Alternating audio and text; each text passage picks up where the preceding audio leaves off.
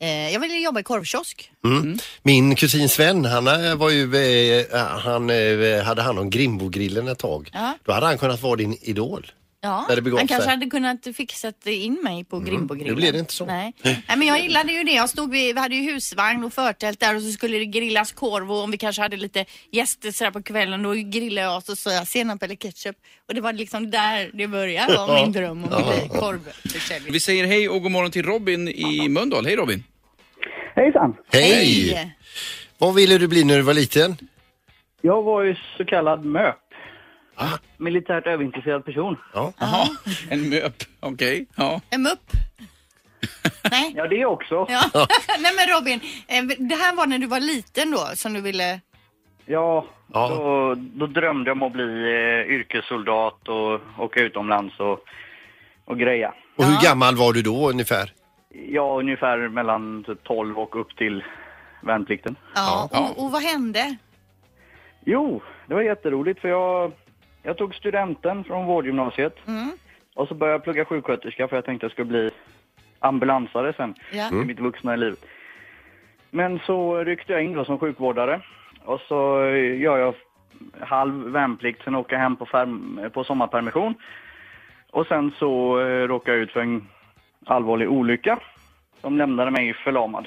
Och nej! Aj, oj, oj, oj. Så det, det finns ju få soldater som strider i permobiler. Precis. Ja, men men det vad är gör, sant. vad gör du nu då? Nu jobbar jag på en gymnasiesärskola i Mölndal. Är du Eh. fortfarande militärt intresserad? Jag har ju insett mina brister, men eh, hittar de ett yrke som, eller en sysselsättning som skulle kunna passa mig Ja. i uniform så hoppar jag ju på det. Ja. Ja, men det var ju eh, drömmasicke Krasch en väldigt oväntad vändning där. Men, eh, men eh, vi hoppas att det funkar bra för dig eh, där du är i alla fall idag. Ja då, jag Ja. är nöjd. Mm. Ja, det är bra. Ha det, är så bra, Robin.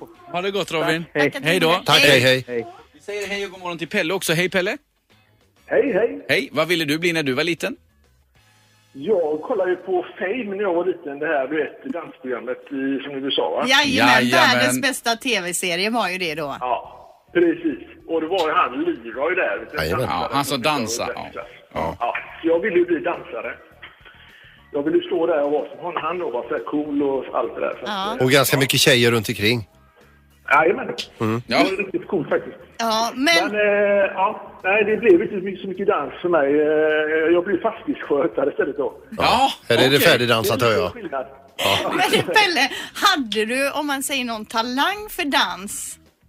Eh, Jag tyckte ju det då, va, men eh, när jag brukar dansa hemma då så tyckte inte mina barn och min fru det utan de eh, säger sluta, sk- jag skäms. Ja, Och så. det är pinsamt. Ja, men tar man de movesen som de gjorde i, för den här tv-serien hemma, då ser det kanske lite konstigt ut. Pelle, jag skulle gärna vilja att du ikväll med din fru eh, filmar dig när du kör lite moves och sen så skickar du in det till oss så vi får se här och avgöra. Ja, jag, vet inte, jag vet inte om det är så bra för er att se det, men ja, jag kan se om hon eh, vill göra det. Ja, men Vi, kan- vi toppen. kan kisa om du vill.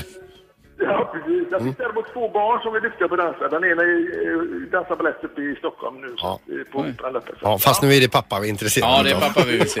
Jag tänkte att generna har liksom gett jag vet, åtminstone någonting gott då, liksom att eh, de har fått något utav mig där. eller vad. Ja, Ja, men det det är är toppen bra. Pelle. Vi ser fram emot filmen. Ja. Ja, Det är ha det bra. bra. Hej då. Hej, hej. Ett poddtips från Podplay. I podden Något Kaiko garanterar östgötarna Brutti och jag, Davva, dig en stor dos skratt.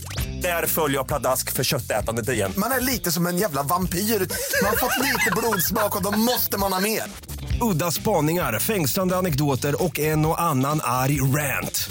Jag måste ha mitt kaffe på morgonen för annars är jag ingen trevlig människa. Då är du ingen trevlig människa, punkt. Något Kaiko, hör du på Podplay. Därför arkadeinerna.